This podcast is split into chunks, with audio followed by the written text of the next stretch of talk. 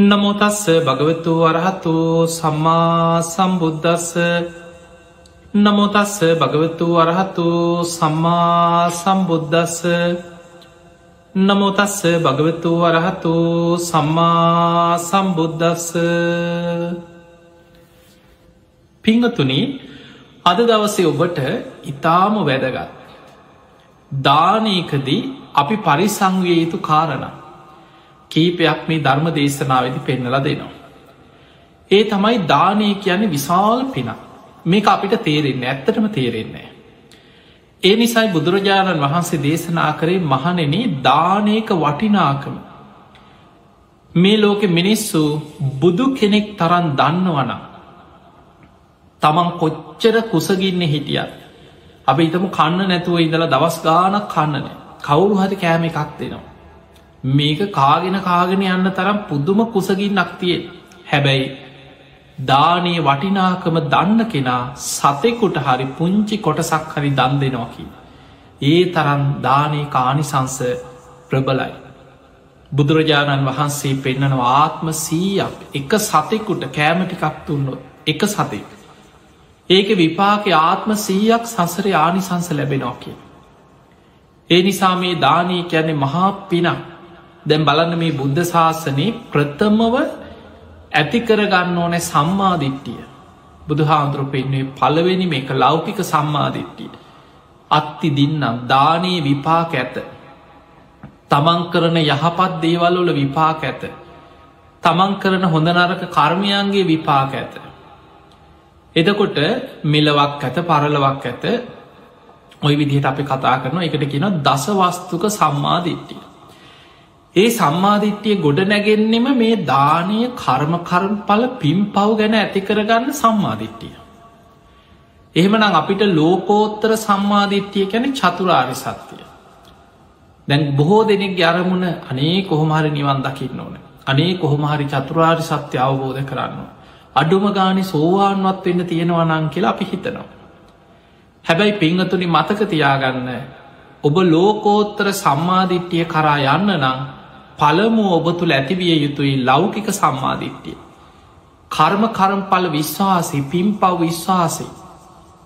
ලෞකික සම්මාධිට්ටියවත් නැතුව පිම් පව් ගැන විශ්වාසයක් නැතුව. අඩුගානෙ දානයක් අද්දීලා පින්කරගන්න හිත නැමෙන් නැත්නං ඔබ කොච්චර චතුරාරි සත්‍යය ගැන මාර්ග පල ගැන නිවන ගැන භාවනාව ගැන මොනවා ඔබ කතා කරත්. ඔබේ හිත කොච්චර ඒවට කැමති බව ලෝකෙට පෙන්න්න ඔබ උත්සාහ කරත් ඔබට ඒ මාර්ග යාගන්න පුළුවන්කමක් නෑ. ඒ නිසා පලවෙනිම දේ තමයි ලෞකික සම්මාධිට්ටිය. ඒ ලෞකික සම්මාධිට්ටිය තුළ පිහිටපු කෙනා තමයි ලෝකෝත්තර සම්මාධිට්ටිය කරායන් ඒ නිසා පෙංහතුනි අතහැරීම ත්‍යාග සම්පත්තිය දන්දීම කියන එක මේ බුද්ධ ශාසනී මුලින්ම පුරුදු කරගත යුතු දෙයක්. නිවන් අවබෝධය පිණිස පාරමී පුරණ ඒ උතු මාරයන් වහන්සේලා සසර පුරුදු කරන පාරමී ධර්ම අතර පලවෙනිම එක දාන පාරමිතාව. එතනින් තමයි පටන්ගන්න. දාන සීල නයිස්ක්‍රම්ය ප්‍රඥා වීරිය කන්ති සච්ච අධිට්ඨාන මෛත්‍රී උපෙක්කා. මේ තමයි දස පාරමී ධර්ම. මේ පාරමී ධර්ම පාරමී හැටියට උපපාරමී හැටියට පරමත්ත පාරමී හැටියට සම්පූර්ණ කළ යුතුයි ලෝතුරා සම්බුද්ධත්වයට පත්වෙන කෙනෙ. පසේ බුදු කෙනෙක් නම් ඔය දස පාරමී ධර්ම පාරමී උපපාරමී හැටියට සම්පූර්ණ කළ යුතු. අග්‍රශ්‍රාවකයන් වහන්සේලා අසූ මහ ශ්‍රාවකයන් වහන්සේලාදී ඒ උතුම් මහරහත්තන් වහන්සේලා පාරමී හැටියට සම්පූර්ණ කළ යුතු. එහෙමනම් අපිට පේන අපි සසර පුරුදු කළ යුතු දෙයක් දානේ. අත්තහැරී මේක දවසින් දෙකින් කරන්න පුළුවන් දෙයක් නොයි සංසාර පුරුද්දක් හැටියට පුරුදු කළ යුතු දෙයක්.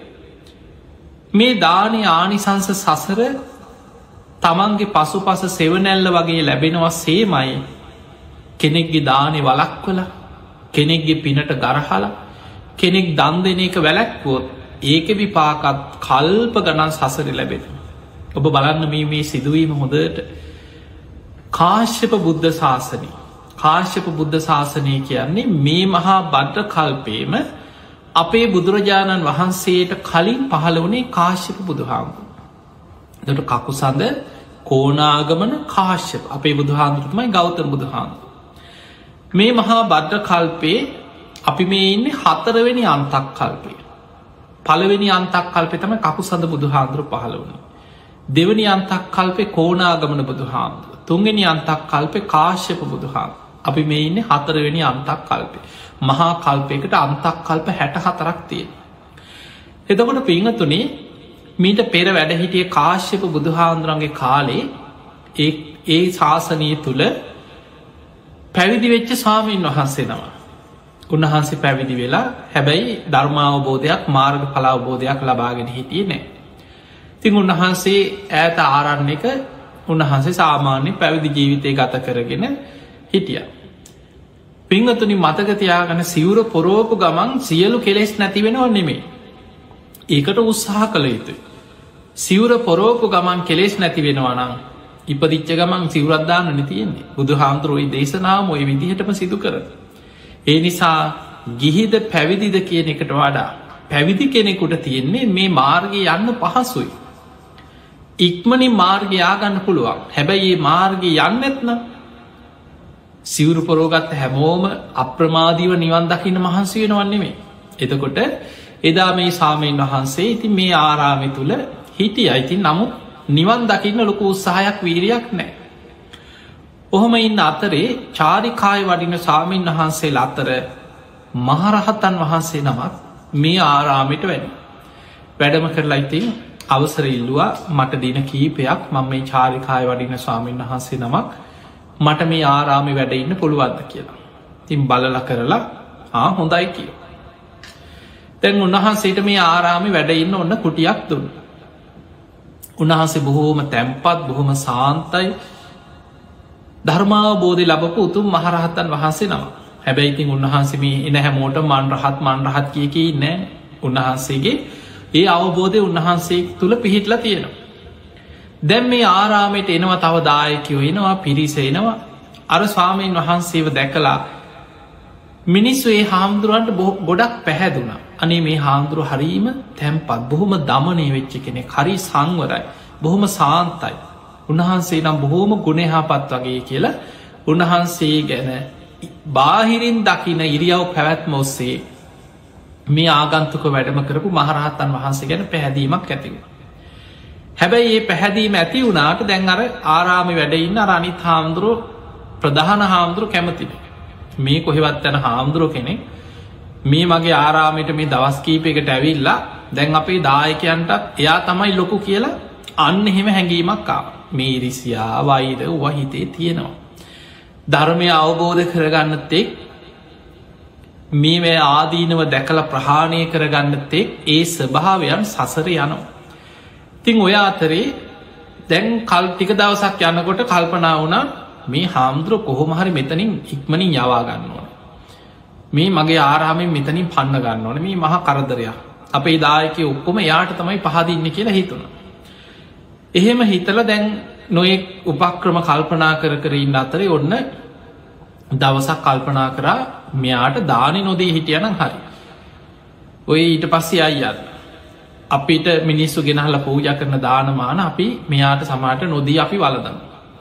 ඔහොම ඉන්න අතරේ දායක පිරිසක් ඇවිල්ල කල්පනා කරා මේ ආරාධනා කරා සාමීනී ඔබහන්සේලා සියලු දෙනාම මේ ආරාම ඉන්න මගේ නිවසට දානයකට වදී. දැන් බොහොම හිතවත් දායකේ හොඳයි කියලා පිළිගත්තා. දැන් ඒ දායකය බලාපොරොත්තු වුණ අනි අර ආගන්තුක වැඩම කරපු මේ ස්වාමීන් වහන්සේ වඩම්මයි කිය. දැන් ඒ හාමුදුරුවන්ට ආරාධනා නොකර දැන් දානට යන්න අනිත් කට්ටිය ලෑස්තිවුණ. ලෑස්ති වෙලා දැන් අර ප්‍රධාන හාමුදුරු කල්පනා කරා මෙයාව මෙතනින් එලෝ ගන්නත් ඕ නෑ නමුත් දැන් මගෙන් ඇහුවොත් මේක මට බේරෙන්න්න ක්‍රමයක් තියෙන්න්නත් ඕන සාමානෙන් ඔබ දන්නව ආරාමෝල ගෙඩිය ගහනවා කියලා දානට කලින් තියෙනවල් ලී කොටේකින් සකස් කළ එකට සාමාන්‍ය කියන්නේ ගෙඩිය ගහනවා කිය. ඒ ඒකට තවත් ලීයකින් ගහනකොට ගන්ටාර ගැහුව වගේ ගන්ටාර හඬ නෙමේ අර ලියකින් ගහනකොට ඒ හඬ ඇහෙනවා.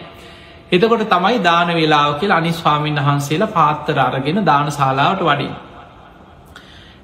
එතකොට මේක දැන් දානට වඩින්න කලින් මේ හාමුදුර මොකද කරේ නිය පොත්තෙන් හිමීට ඒකට තට්ටු කරා දේම නිය පොත්තෙන් ගහන එක මේ කුටිවලට ඇහෙන හ ඩක්නෙමේ දැන් මම් ගෙඩිය ගැහුව කියලා කියන්නත් පුළුවන්.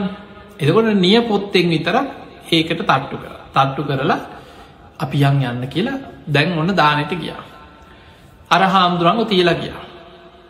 දැන් දානට ගියාට පස්සේ අනේ අර දායක වැැහව අනේ ස්වාමීණි උබහන්සේලා කොහෝ අර හාමුදුරුව? උන්වහන්සේත් වඩිය කියලනේ අපි ගොඩා කාසාාවෙන් බලාගෙන හිටිය. දැන් අනේ අර මිනිස්සුයි හාමුදුරන්ගේ ගුණ කියනඒ හාමුදුරුණක් හරි සංවරයි හරීම හොඳ ගුණ හපත් කෙනෙක් පාට කියන්න කියන්න මෙයාට දැන් තරහයන මුන්ටත් ඉතින් මේ අලුතෙන් ආපු කෙනා තමයි ලොකු කියලා අන්න එහෙම දැන් කේන්තියක්කාව මේ හාමුදුරන්. ඒ කේන්තියා වගේමයි ඒත් අත් දැන් අරදායක ඇහවා කෝ මේ හාමුදුරුව? ඇයි වැඩිය නැත්තේ? කිව්ව මේ යාගේ වැඩේ කුටියට වෙලා නිදි කීවා. එන්න ඇකිව දාන වෙලාවට දාම්ශලාවටවත් අදත් අපි ගෙඩිය ගැහුව කියවා ආවෙ නෑ කියව ඉතින් අපි පරක්වෙන් නිසා ආවයිකි ඒත් අනේ අර දායක අප හැදෙන් නැතුව දැන් දානය පූජා කළ මේ සාමෙන් වහන්සේලාට දාන පූජා කළ අවසන් වෙලා ඊට පස්සේ වෙලාවත් අව ටිකක් තියෙනවා. ඉක්මනින් මොකද කරේ? කිරිබත් පාත්තරයකට බෙදලා කිරියාහාර සකස් කරලා දුන්න. ස්වාමිනී හෙමනක් කමක් නෑ ඔබහන්සේලා දැන් ඉක්මනින් වඩින්න උන්වහන්සේට මේ කිරිබත් පාත්තරේ උන්වහන්සේට පූජ කරන්න උන්හස කුටී දං එක වලඳයි කියව ඉරාවරට යන්න කලින්. දැන් ඔන්න දාලාවට මොකද කිරිබත් පාත්තරයක් දුන්න අතටම ගිහිලා උන්වහන්සේටම දෙන්න කියල දායකව දැන් තවත් කේන්ති කියා මංගේ පැමේක උත්සගෙනයන් කොහොමහරි මං මේ මෙයාව පන්න නො කවන්නන් අද කිරිබත් කියලා දැක් ඔන්න හිතේ දැන් වෛරයක් දවේශයක්කාව දැන් ඔන්න ආපහු අරගෙදරින් පිටත් වෙලා ආරාමට එනකොට මග ගිනි ගොඩක් තියෙන මේ ගිනිකොට ළඟට ඇවිල්ල කල්පනා කරා කවන්නං කොදානය අද කියලා අනි අර පාත්තරය කිරිබත් පාත්‍රීම හැඩුව ගිනි ගොඩට. දැම් මේ ඔබ හිතන්න මේ හිතේ ඇතිවෙච්ච ඉරිසියාව වෛරයත් එක්ක නොදැනුවත් හරි මේ ඉරිසියා කරන්න වෛර කරන්නේ දානටික ගිනි ගොඩකට හැලුවේ කාවෙනුවෙන් පූජාකරපු දානයක්ද. උතුම් මහරහත්තන් වහන්සේ නමක් වෙනුවෙන් පූජාකරපු දානයක් මේ ගිනි ගොඩට හැලුවේ. මෙන්න මේක දැක් උන්හන්සේ කුටිය භාවනා කර කර වැඩඉන්නකොට දැක්ක මේ සිදුවී. තමන්ට පූජා කරන්න කියලා දීපු කිරිබත් පාත්‍රී ගිනි ගොඩකට හලනවා. උන්වහන්සේ දැක්ක මේ හාමුදුරු අනේ විශාල අකුසලයක් කරගත්තා කියලා. තවත් මං මේ ආරාමි වැඩහිටියොත් තවත් මේ භික්‍ෂුව බොහෝ අකුසල් රැස් කර ගනි. ඊට පෙරමම් මෙතනින් යායුතුයි කියලා උන්වහන්සේ එතනින් පිටත් වෙලා උන්වහන්සේ වැඩිය. ආරාමට මේ හාමුදුරුව එනකොට උන්වහන්සේ කුටියෙන් පිටත් වෙලා වැඩම කරු. දැන් ඔය කාශ්‍යප බුද්ධ ශාසනය කරගත් අකුසලයක්. ඔන්න කරම විපාක එන හැටි මතකතියාගන්න. කෙනෙකුගේ දානයක් වලක් වලා තවත් සිල්වත් ගුණවත් කෙනෙකුට දානෙ දෙනකොට ඒකට ඉරිසියා වෙලා. ඒ පූජා කරන්න කියලා දීපු දාන ටික ගිනිකොඩකට දාලා රැස්කරගත්ත කර්ම විපාකය. සසර කොච්චර විපාක දුන්නද කියලව බලන්න. එක කර්මයක විපාක ආත්ම සිය දහස් කනන් සමහර වෙලාවට ගෙවන්න සිද්ධ වෙනවා. ඒ ජීවිතයේ ඒ භික්‍ෂුව කාශප බුද්ධ ශාසනය සිවරුදාගත්ත කෙනෙක් එදා ඔයදේ කරේ. ඒ ජීවිතේ මරණින් මත්තේ නිරේට වැටුන එතකොට බලන්න සිවර හිටිය කියලා අයි සුගතියන්න බැරි වුණ. අර රහතන් වහන්සේ නමකට දානය වලක් කොළ රැස් කරගත් අකුසලෙෙන් මරණින් මත්තේ නිරේ ඉපදුනා. අපායි බොහෝ දුක්විඳමින් අපායි බොහෝ කාලයක් අවුරුදු දස දහස් ගාන අපායි දුක්විඳල දුක්විඳලා අපායින් චුත වෙලා යක්ෂයෙක් වෙලා ආත්ම පන්සීයක් යක්ෂාත්මික ඉපදුනා කිය. මේ යක්ෂයන් මුළු යක්ෂ ආත්මෙම සාපිපාසාාවෙන් පුදුමාකාර දුකක් වින්දකිය. ආත්ම පන්සීයක් එදකොට පුංචි කාලයද කියල බලන්න යක්ෂයෙක් වෙලා සා පිපාසාව කුසගින්න පිපාසෙ මුළු ශරීරෙම දනව පිච්චෙනවා. කුසගින්න නිවෙන්නේ. හැබැයි ඒ එකම ආත්මය ඒ ආත්මක එකම වේලා තමන්ගේ ජීවිතය ආවි සවසන් වෙන්න පෙර එකම වේලක් කුස පුරෝගන්න මොනවා හරි අපිරිසිදු දෙයක් ලැබෙනු. එක්ක මලකුණ කෝජාවක් හරි උරා බොන්න ලැබෙනවා එකම අවස්ථාව එදාට විතරක් කුසගින්න නිවුණකින්. එදකොට ආත්ම පන්සීයක් යක්ෂයෙක් වෙලා දුක්වින්ද සාපි පාසාාවේ. ඊට පස්සේ බලු පැටියෙක් වෙලා ඉපදුම බැලලියෙක් බල්ලෙක් බැලගේ කුසක ඉපදිලා තිරිසං ආත්ම භාව පන්සීයක් ලැබුව කිය. ඒ බල්ලෙක් වෙලා ඉපදිච්ච ආත්ම පන්සීයම කන්නනෑ. ඔහේ කෑම හොයාගෙන කුසගින්න ගිහිල්ලා ගිහිල්ලා එකම දවසක් වමනය කරපු ආහාර ටිකක් ඒක කාල කුසපුරෝ ගත්තකින් එච්චරයි. එතකොට බලන්න මේ කර්ම විපාකෙන හැටි. නිරේ ඉපදිලා අවුරුදු දස දහස් ගානක් දුක්වින්ද. ඒත් අර කර්ම විපාක. ඊට පස්සේ යක්ෂාත්මය ආත්ම පන්සීයක් යකෙක් වෙලාම යක්ෂාත්මික ඉපදුනා ඒ ආත්ම පන්සීයම සාපි පාසාාවෙන් කුසගින්නෙන් දුක්වින්දකිය. ඊට පස්සේ තිරිසල්ලෝක ඉපදුනා බල්ලෙක් වෙලා. මැරිලායමත් බල්ලෙක් වෙලාම උපදින. ඒ විදිහටම ඒ හැම ආත්මක මැරෙන්නේ කන්න නැතුව කුසකින්. කෑම හොය හොයා දුවනෝ. කුසගින්න කෑග ගහමේ බලු පැටිය ආහාරයක් නෑ. එහෙම දුක්විඳල මැරෙනවා. ආය ගිහිල්ලා බල්ලෙක් මේ කුසක පිළිසිඳ ගන්න. ආයි බලු පැටියෙක් කියලා උපදින. ආයි කන්න නැතුව මැරෙනවා. එකම දවසක් වමනි කරපු ආහාර ටිකක් බත් ඇට ටිකක් වමනය එක කාල කුසපුරෝගත එච්චරයි කිය. ඔහොම දුක්හිඳලා දුක්හිඳලා එතනත් ආත්ම පන්සීයක් තිරිසං ආත්මි දුක්වින්දකි. ඊට පස්සේ තිරිසං ආත්මෙන් මනුස්ස ලෝක ඉපදුනා. ඒ උපදිනකොට දැම් බලන්න කොච්චර කාලයක්ද කියන කාශ්‍යප බුද්ධ ශාසනය ගෞතම් බුද්ධ ශාසනය අතර ඔය ගෙවෙන කාලෙ නිරේම දුක්කින්ද අවුරුදු ලක්ෂ ගාන. යක්ෂාත්මය ආත්ම පන්සීයක් තිරිසංආත්ම භාව පන්සීයක් ඔහොම දුක්හිදලා ඊට පස්සේ මේ මහා බද්ධ කල්පේ හතරවෙනි බුදුරජාණන් වහන්සේ අපේ බුදුහාන්දුරු පහළවෙන්න ආසන්න කාලේ අපායෙන් චුත වෙලා මනුස්සලෝකෙටාව. ඒ ආය වෙන ඈත ගම්මානක ඉපදුනා. මේ ගම්මානක දියනියකගේ කුසේ පිළිසිඳ ගත්තා දරුවක් උසට ආපු දවසේ මුළු ගමම පාලුනා කියනවා ලැව්ගින්නකි. ගමේ ගෙවල් විනාස වෙලා වගාවල් විනාස වෙලා මුළු ගමම පාලු වෙලා ගියා කුස පිළිසිඳ ගත්ත දවස. මේ ගමේ මිනිස්සු විශාල පිරිසකට උන් හිටි තැන් නැති වුනා කියෙන් මේ පවුලට මහපාරට බහින්න සිද්ධ වුණ. ගමේ මිනිස්සු ඒ කාලේ හිටියව අනාවකි කියන අය දයිවඥෝ නොයෙක් අයි ඒ කාල රජවරුට් අත්තිදල තියෙනවා මිනිස්සු හොයලා බැලුවා කවුද මේ මොකක්ද මේ අපිට වෙච්ච විපත මේ පවුලේ මේ ගෙවල්වල කොහේ හරි අවාසනාවන්ත දරුවෙක් පිළිසිඳගෙන තියෙනවා. කෞද මේ අවාසනාවන්ත පවකාරය කාගේ කුසේද පිළිසිඳ ගත්ත කියලා හොයල බැලු. බලනකොට ඒ ගමේ නිවසක දියනියගේ කුසේ දරුවෙක් පිළිසිඳගෙන. මිනිස් ඔක්කොම නෑයෝ මේ ඔක්කොම ගමයින්නේ නෑදෑ ඥාති පිරිස හැමෝම පැන්නවා. මෙන්න මේ පවකාර අවාසනාවන්ත දරුව නිසා තමයි අපේ ගමම විනාසුනේ. මේ ගමේ ඉන්න එපා කියලා අනියර අම්මව දැන් දරුවක් උසේ වැඩෙන මේ අම්මව අර නෑදෑය අතරින් ගමෙන් එලෙව්වා.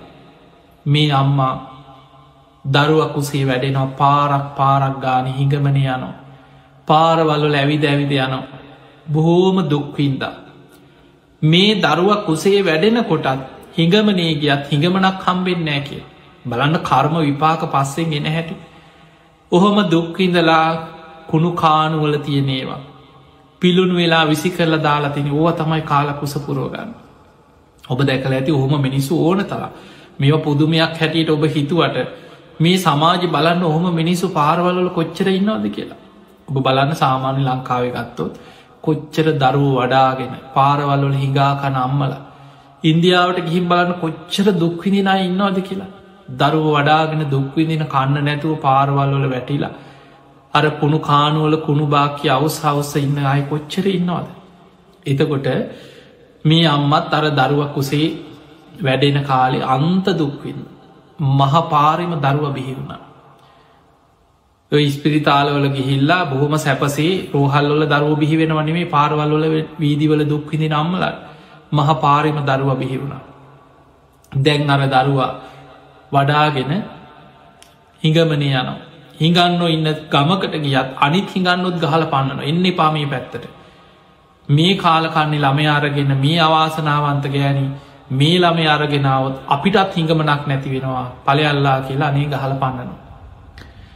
දකින දකින හිගන්න ගහල පන්නනවාර ළමය වඩාගෙන නම්මට. බොහෝම දුකසේ කුණු බාක්කිවල තියනේව කානුවල තියනේව තමයි කෙන කකාහිටි.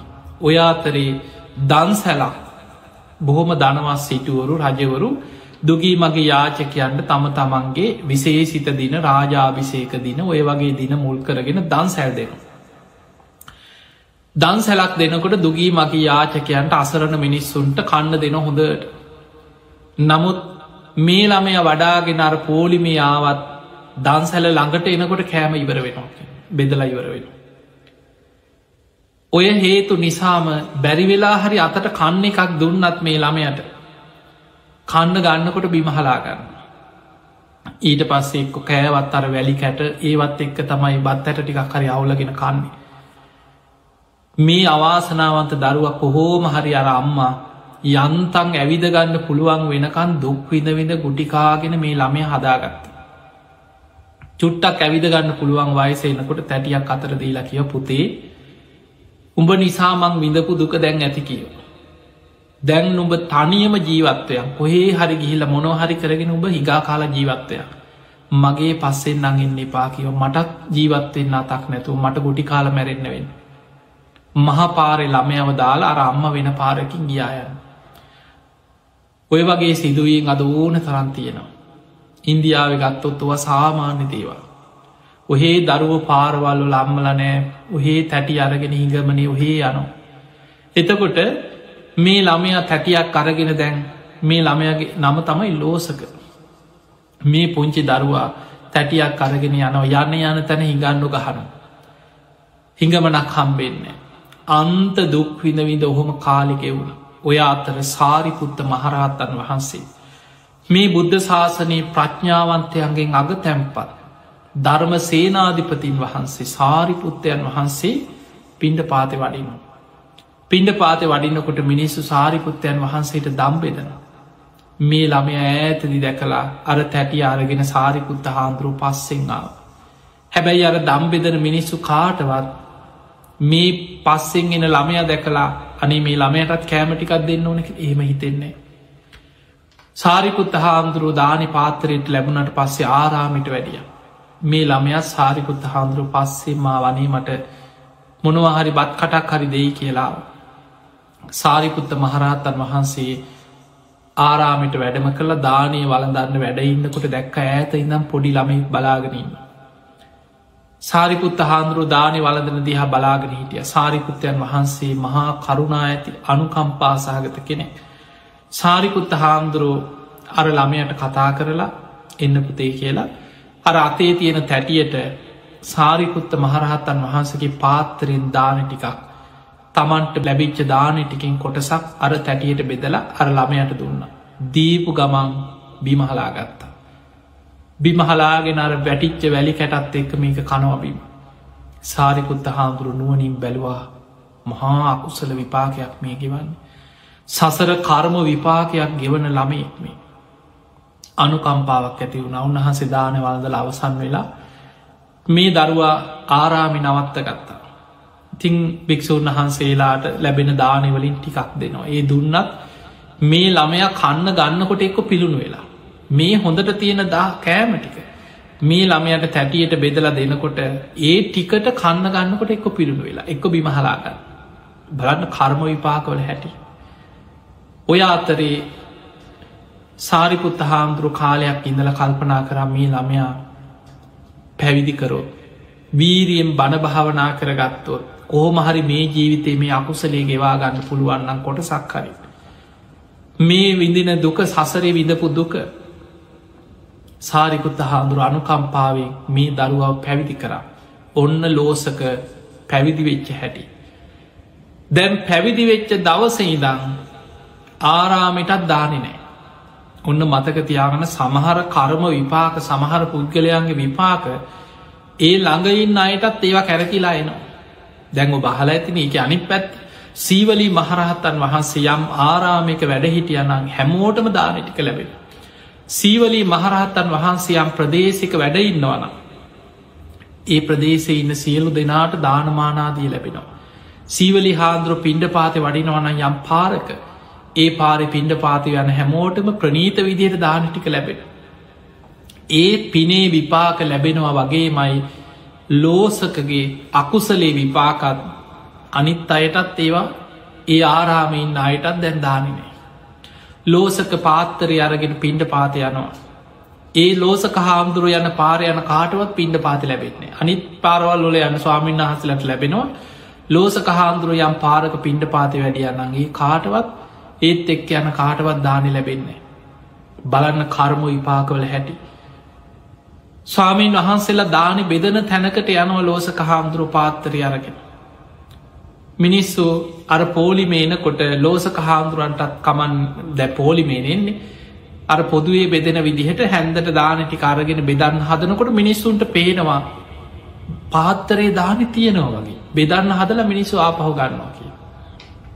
පැවිද්දකි ස්භාවය උදුරල දාගන්න එක නෙමේ කෝකෝ මට දාන දාන්න කියල උදුරලා ගන්න ඉතින් අනේ උන්වහන්සේහෙම වඩිනවා. දානි මිනිස්සු බෙදන්න හදනකොට පාත්තරය තියෙනවා වගේ පේනවා.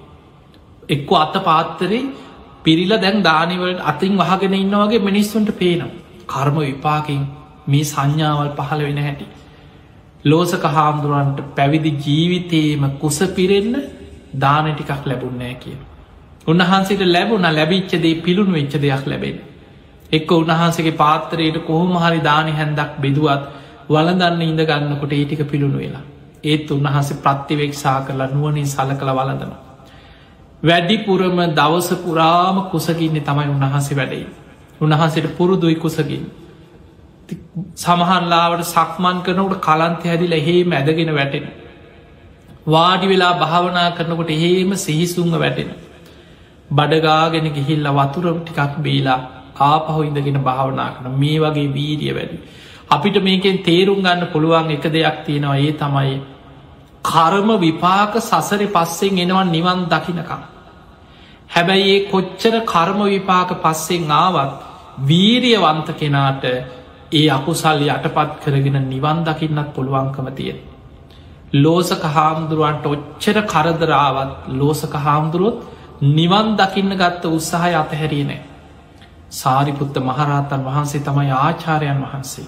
සාරිපුත්ත හාමුදුරු මහා කරුණාවෙන් සාරිපුත්ත හාමුදුරු කරුණාවෙන් උපදෙස් දුන්නා ලෝසක ඔබ වීරිය වඩත්. ඔබේම පෙර අකුසලයක් ඔබේ පස්සෙන් ඔය එන්නේ. ඔබ කොහොම හරි මේ ජීවිතේම ධර්මය අවබෝධ කරගෙන මේ දුකෙන් මිදන්න උත්සාහ කරන්න. නැත්නං ඔබට කල්ප ගනම් මේ කර්ම විපාක ගෙව ගෙව සසර යන්න වෙන. ඔබ මේ ජීවිතේම වීරිය වඩ ලෝසක හාමුදුරුවෝ මේ උපදේ සාරගෙන පුද්දුම වීරියෙන් භාවනා කරනවා සක්මන් කරනවා ඒ අත්තර නිතර කුසගින්න නිසා සිහිසුන් ඇදගෙන වැටෙන. ඔය විදිහට වීරිය වඩලක් කොහොම හරි වීරියෙන් භාවනා කරලා ලෝසක හාන්දුරෝ ජයගත්තා. කෙලෙසුන්ගෙන් මිදිලා උතුම් මහරහතන් වහන්සේ නමක් බවට පත් වුණ. දැන් රහතන් වහන්සේ නම ලෝසක මහරහත්තන් වහන්සේ. මතකතියාගන්න රහත් වනා කියලා රහත් වෙච්ච ගමන් අර කර්ම විපාක ඉවර උන්නේ. ඒ අකුසල විපාක පිරිනිවන් පානකම් විපාක දුන්න. ඒවට ධර්මය කියෙන ප්‍රවෘත්ති විපාක කිය. ඔබහල ඇති රහතන් වහන්සේලාටත් පිරිනිවන් පානකන් කර්ම විපාකදීපු සිදුවීම් ගැන ධර්මය සඳහන් වෙන ලෝසක හාමුරන්ටත් ඒ වගේ. දැන් උන්වහන්සේ රහත් වෙලා රහතන් වහන්සේනම පින්ඩ පාති වඩිනම්. ඒත් දානි ලැබෙන් නැවෙනද වගේමයි. පාතරයට දාන බෙදන්න සූදානන්නනකොට මිනිස්සුන්ට පේනවා පාත්‍රයේ දාන පිරිල වගේ. එක්ක පාත්‍රය අතින් වහගෙන ඉන්න වගේ පේන. ඔහොම කාලෙ ගත වුණා ලෝසක හාමුදුරන්ට වැඩි ආවිශ තිබෙනේ ලෙඩරෝග බහුල දැන් ඔබ හිතන්න ඔහොම කන්නත් නැත්න. හරියට කුසගින්නට ආහාරයකුත් නැත්නම් හොඳ බේතක් හේතක් වැටෙන්නෙත් නැත්නම් කොහෙද දීර්ඝාවිශ විදෙන්. හැබැයි උන්වහන්සේ කොහොම හරි ධර්මය අවබෝධ කරගත්තා. දවසක් සාරිපුත්ත මහරහතන් වහන්සේ උදෑසන භාවනා වඩනකොට එදා උන්වහන්සේ දිවසින් දැක්කා ලෝසක මහරහත්තන් වහන්සේ අද පිරිනිවන් පානවා.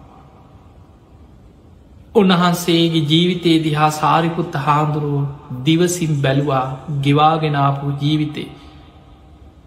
මවකුස ඉපදිච්චත් සංසාරි පැත්තක. ඒ ජීවිතේ මවකුසෙන් ඉපදිච්ච දවසහි දංවත්. අර පොඩි දරුව තැටියක් අරගෙන ඒ ජීවත්වෙච්ච ගිහි කාලෙවත්. පැවිදි වෙච්ච ජීවිතයේ පැවිදි ජීවිතයවත් කවදාවත් කුස පිරෙන්. මට දැන් ඇති කියලා හිතෙන විදිහට කුස පිරෙන්න කවදාවත් දානටිකක් ලැබිලනෑ. ප්‍රනීත දානයක් තියා කුස පිරෙන්න්න කවදාවත් දානටිකක් ලැබිලනෑ. සාරිකුත්ත හාන්දුරුව අනුකම්පාවෙන් කල්පනා කරා අද පිරිනිවන් පාන දවස.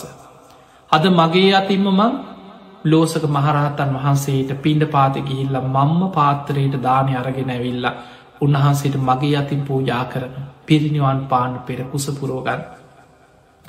සාරිපුත්ත මහරහතන් වහන්සේ අනුකම්පාවෙන් පාත්තරය අරගෙන උදෑසනම ලෝසක හාමුදුරන්ගේ කුටියට වැඩම කර වැඩම කරන කිව්ව ලෝසක ඔබහන්සේ අද පින්ඩ පාති වඩින්න එපා. ඔබහන්සේට මමම පින්ඩ පාති කරගෙන අද දානය අරගෙන ඇවිල්ල මගේ ඇති මං ඔබහන්සේට අද දානි පූජා කරනවා. හොඳයි ස්වාමීනී කියලා ලෝසක හාමුදුරු නතර වුණා. වැඩියත් බොහෝ වෙලාවට දානි ලැබෙන්නේ එක්කො ලැබෙන්නේ පිළුණු වෙච්ච දෙයක්. නමුත් ඉතින් ශාසනික පුරුද්ධ චරියාව තමයි භික්ෂුවක් ඒ දාන වෙලාවට ලැබුණ හෝ නොලැබුණා හෝ පින්ඩ පාති වඩින්. දැන් සාරිපුත්ත හාන්දුරන්ගේ කී මහල ලෝසක හාන්දුරු නතර වුණ. සාරිපුත්ත මහරහතන් වහන්සේ පාත්තරය අරගෙන රජමැදුරට වැටි.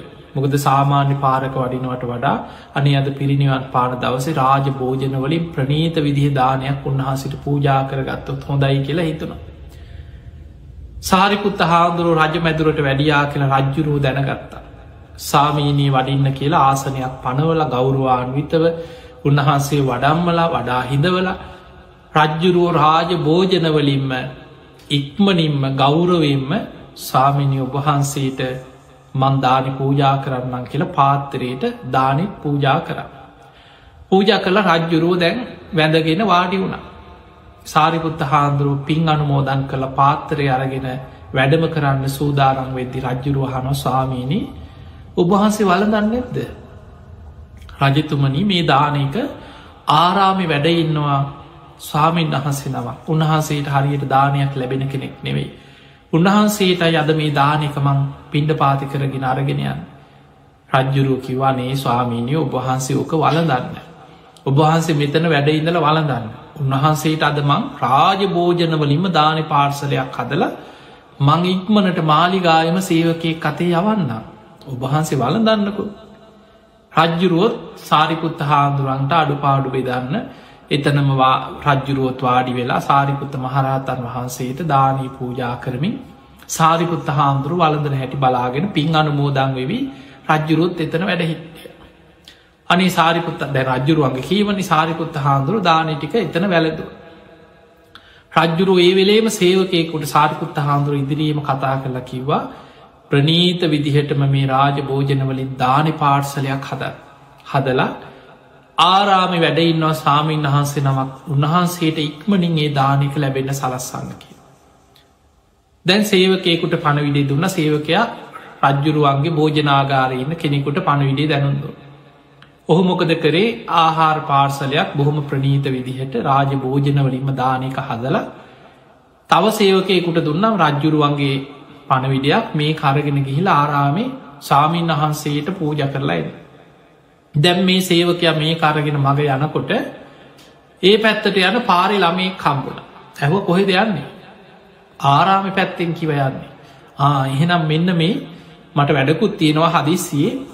ආරාමි පැත්තෙන් යනවනං මෙන්න මේ දානි පාර්සලයක් ආහාර පාර්සලයක් තිනම් මේක ඒ ආරාම ඉන්නවා ස්වාමීන් වහන්සේ නමක් අසවල් ආරාමි උන්වහන්සේට මේක පූජ කරගෙන යන්න. හොඳයි හොඳයි මන් දෙන්නම් කියව. කියලා මේ ළමය මේක ගත් ඔන්න ඒක එතනින් තව කෙනෙක අතට කිය ටික දුරක් යනකොට මේ ළමයා සුවදයි රාජ භෝජන්නේ ටික දුරක් යනකොට මේ කොල්ල වටපිට බැලුව කවුරුත් පේෙන්න්නත් නෑ පැත්තකින් වාඩි වෙලා පාර්සලේ ලෙහල බැලුව රාජ භෝජන චුට්ටක් කටේදාගත්ත පැත්තකින් ටිකක් කාලා ඔතල අර විදිහට මොතාගෙන ටික දුරක් ගිය. යනකොට ආයි දැන් පෙරේත කටට කෙල උනනවා. ආයි වටපිට බල්ල පැත්තක වාඩි වෙලා ආයි ටිකක් කටේදාගත්ත. දැන් අර පාර්සලෙන් භාගයක් විතර ඉවර දැන් ඒටි කොතාගෙන ටික දුරක් යනකොට ආරාමි පේනමානෙදි කල්පනා වනා හාමුදුරුන්ට ඉතින් හැමදාම හම්බෙනවන රාජභෝජනවලීද හැමදාම දානි හම්බෙනවා ඇති අර ගහයට වාඩි වෙලා ආරාමි පේනමානිම වාඩි වෙලා අර පාසලේ ලිහාගෙන මේ ළමය එක කෑව. පිරිනිවන් පාන දවසෙත් ලෝසක මහරහතන් වහන්සේට දානයක නැති වුණා. හවස් සර්වි සාරිපුත්ත මහරහතන් වහන්සේදා ආරාමිට වඩිනවා හවස ටිකක් විවේකෙන් භාවනත් කරලා උන්වහන්සේ හවස ආරාමිට වැඩිය. ලෝසක හාමුදුරු සක්මන් කරනවා කලන්තේ එදා දවසම උන්වහන්සේට ඔය වතුර ටිකක් ගිලම් පස මොනවා හරි වතුර ටිකක් කැරෙන්න උන්වහන්සේට කුස පිරෙන්න්න මොනුවත් දාන ටිකක් කුසට වැටලා නෑ පිළුණු වෙච්ච දෙයක්ක. සාරිකුත්ත හාමුදුර ඇවිල්ලහව ලෝසක දානි වැළඳුවද. අනේ ස්වාමීණී ලැබුන් නැතයි කීවා. සාරිකුත්ත හාමුදුරුවන්ට ඒ සැනින් වැටහුණා දානි පාර්සලි අනේ මගෑරුණ නේද. උන්වහන්සේ නුවනින් ප්‍රඥාවෙන් දැක්ක සියල්ල වෙච්චදේ ඒ මොහොතෙම පාත්තරය අරගෙන ආපහු සාරිපුත්ත හාමුදුරු මාලිකාවට වැඩිය. මේ ආරාමට මෙන් හවස් වෙලා දැම්මි දානපින් මේ පිළිගන්න පුළුවන් වෙලාවක් නෙම ඒ සාරිපුත්ත හාමුදුරු මාලිකාවට වැඩිය. රජතුමාට දැනුන් දුන්නා රජතුමනි දැන් දානි පිළිගන්න වෙලාවක් නෑ. හැබැයි චතුමදුරද වගේ දෙයක් පාත්‍රයට පිළිගන්න පුළුව. චතුමදුර කියන්න ප්‍රනීත භෝජනයක් හැටියට ඒක ගිලම් පසක් බෙහෙතක් හැටියට අනුමත වෙච්ච දෙයක්. රජතුමා චතුමදුරවලින් පාත්තරයට චතුමදුර එකක් පුරුවල ගෙනල්ල සාරිකුත්ත හාදරන්ට පූජා කර. සාරිකුත්ත මහරහතන් වහන්සේ චතුමදුර පාත්තරය අරගෙන ඉක්මනින්ම ආපහු ආරාමිට වැඩිය. දැන් ලෝසක මහරහතන් වහන්සේ එදා හවස් වරුවේ ඉර බැසගෙන යන වෙලාවේ පිරිනිවන් පාණ්ඩ වෙලාව ලංවෙනවා. සාරිපුත්ත මහරහතන් වහන්සේ වැඩම කරලා කිව ලෝසක ඔබහන්සේ පිරිනිවන් පාන දවසාද. ඔබහන්සේ පිරිනිවන් පාණ්ඩ පෙර මේ චතු මදුර ටික වලදන්න කිය කුස පුරෝගන්න කුසගින්න පිරිනිවන් පාන්න පාකිව. සාමීනී දෙන්න කිය මට පාත්තරේ. සාරිපුත්ත හාන්දුරුව පාත්තරය අතින් දෙන්න හදල ආපහුගත්ත. සාරිපුත්ත හාන්දුරුව නුවනින් විමසල බැලුවා ලෝසක මහරහත්තන් වහන්සේ රහත් වනත්. පිරිනිවන් පාන මොහොත වුණා. පෙර සසරේ රහතන් වහන්සේ නමකගේ දානයක් ගින්දරකට හලලා. දානය වලක්පල කරගත්ත කර්ම විපාකයේ තාමත්තේ අකුසල විපාක බලවත්. බැරි වෙලාවත් මේ චතුමදුර ටික අතට දුන්නොත් පාතරය පිට එක්ක වලදන් හදනකොට එක්කො එක අතුරු දහම් වෙන්න පුළුව කොයික පිළුණු වෙන්න පුළුව එක්කො එක හලාගන්න සාරිපුත්ත හාදුර කල්පනා කරන්නේ අද පිරිනිවන් පාන දවසේ උන්වහන්සේගේ කුස චතුර මදුරුවලින් ප්‍රනීත විදිහටම පිරේ මගේ අතින්මම් පාත්‍රය අල්ලගෙන ඉන්නවා කියලා සාරිපුත්ත හාමුදුරුවන්ගේ සසර පාරමී ශක්තිය ඒකා සංකයේ කල්ප ලක්ෂයක් උන්වහන්සේ පෙරුම් පුරපු මහා පින්වන්ත කෙනා බුද්ධ ශාසනය සාරිපුත්තයන් වහන්සේ ධර්ම සේනාධිපතින් වහන්සේ පාත්තරය අතින් අල්ලගෙන හිටියා.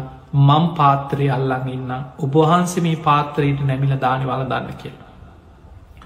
සාරිපුත්ත මහරහතන් වහන්සේ පාත්‍රය අල්ලගෙන හිටියා ලෝසක මහරහතන් වහන්සේ පාත්‍රයට නැමිලා චතු මදුර වැළඳුව. එදාර චතු මදුරවලට වෙන සක්කුන්නේ පිළුණුන්නේ. උන්වහන්සේ කුස පිරෙන කම්ම චතු මදුර වැළඳුව. එදා රාත්‍රී ලෝසක මහරහතන් වහන්සේ පිරිනිවන් පෑව.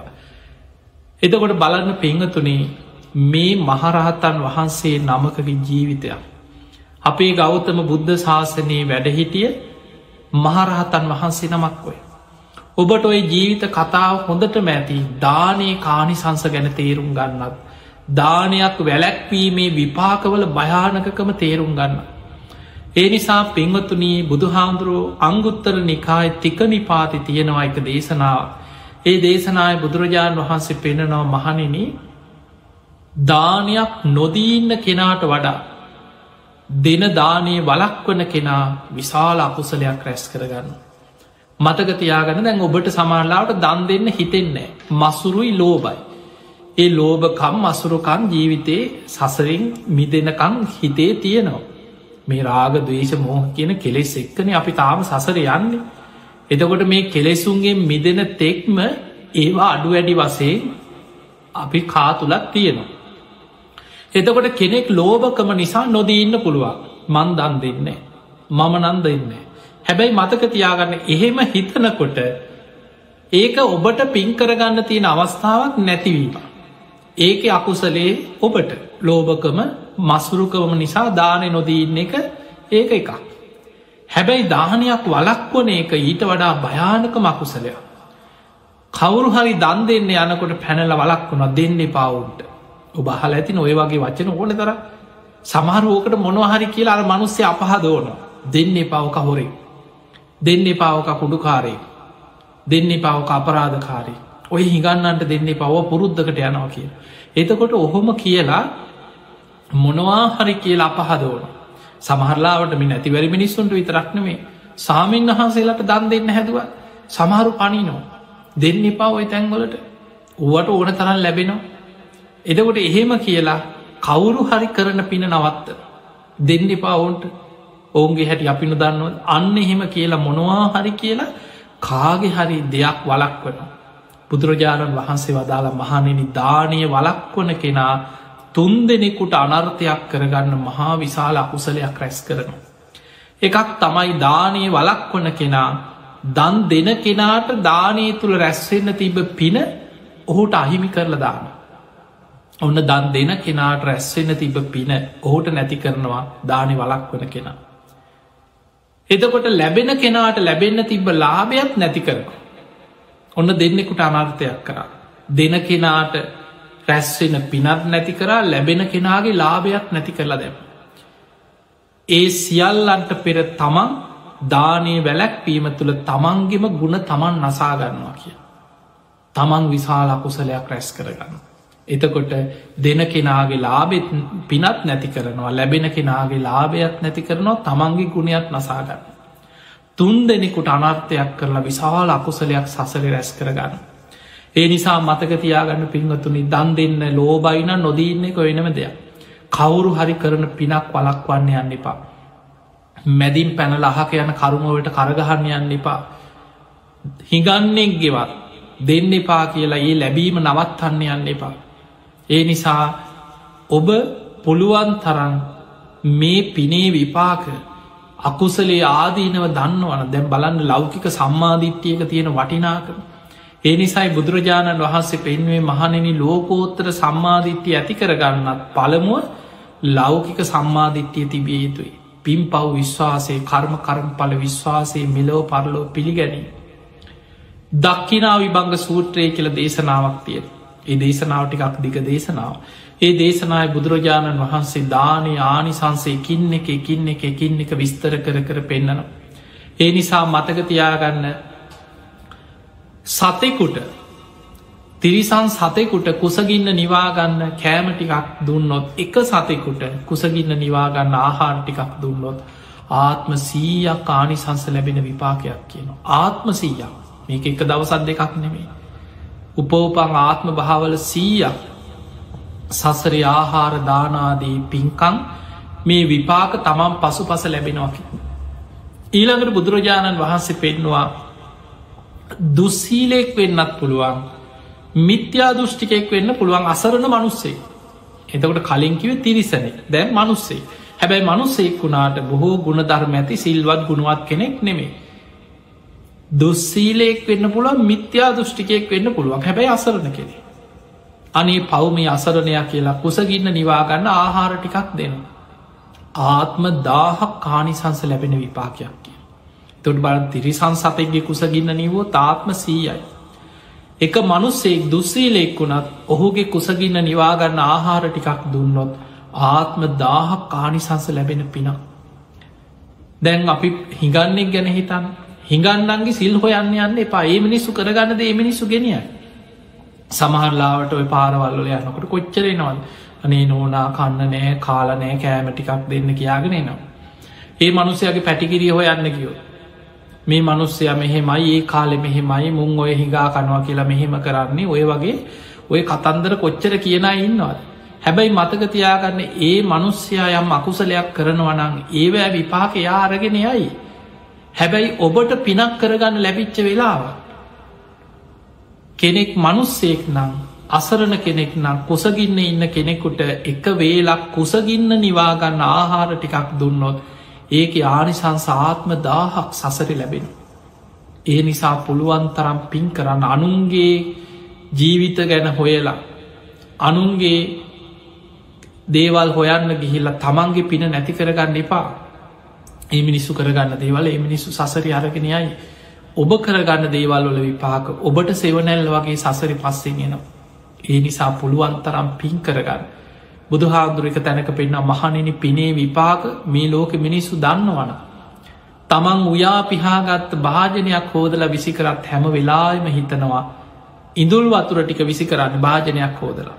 හැබැයි විසි කරනකොට හිතන අනේ මේ මහපොළොයි කොච්චරන සත්තු ඇද ඔය පනුවෝ ගැඩවිල්ලෝ නොඒ පුංචි සත්තුවන කුරුල්ලො පවා ඇවිල්ලා ඔය විසි කරන ඉදුල්ටිකේ බත්තට අහුලගෙන යන කුරුල්ල දැකළ නැද ලේම් පැටව අර බත් ඇටේ ඇටේ අහුලගෙන ගිල්ලා කුසගින්න නිවාගන්න ඒ නිසා මේ විසි කරන ඉදුල් වතුර ටිකෙන් කී දෙනෙකුගේ කුසගින්න නිවෙනවද? මේ මහපොළොවේ ඉන්න හරි මේ සත්වයකුට කුසගින්න නිවේවා කියලා මෛත්‍රී සිතෙන්න්නං ඉදුල් වතුර ටික විසි කරන්න මහනින ඒකත් දානමය ආනිසංස ඇති පිනක් කිය. ඒ නිසා පිංහතුනී පින් කරන්න පිනක වටිනාකම තේරුම්ගන් පින කියන්නේ මහා පුදුම දෙයක්. අපිට නිවන කරායන්න අවශ්‍ය දෙයක්. පින් කරගත්ත කෙනා සුකාපටි පදා කිප්පාබිඤ්ඥා සැප සහිත මාර්ගයක ඉක්මනින් නිවන කරා යනවා පින් දහම් රැස් කරගත්ත කෙනා. ඒ නිසා පින දියුණු කරන්න. පින අපිට අවශ්‍යයි. කොතනවත් බුදු හාන්දුරු පින් කරන්න එපා කියලනේ බුදුරජාණන් වහන්සේ පෙන්වේ මහනෙනි භාජනයකට ජලය බින්දුව බින්දුව වැටිලා ඒ භාජනයේ ජලයෙන් පිරිලා ඉතිරිලා යන ඒ වගේ ජීවිතයට පුංචි පුංචි පින් එකතු වෙලා එකතු වෙලා එකතු වෙලා ඒ ජීවිතේම පිනෙන් පිරිලා ඉතිරිලා යන ඒ නිසා කවදාවත් පිනක් පුංචී කියලා පිනට අවමං කරන්නත් එපා. පුළුවන් තරම් පුංචි පුංචි පින එකතු කරලා ජීවිතය පිනෙන් පුරෝග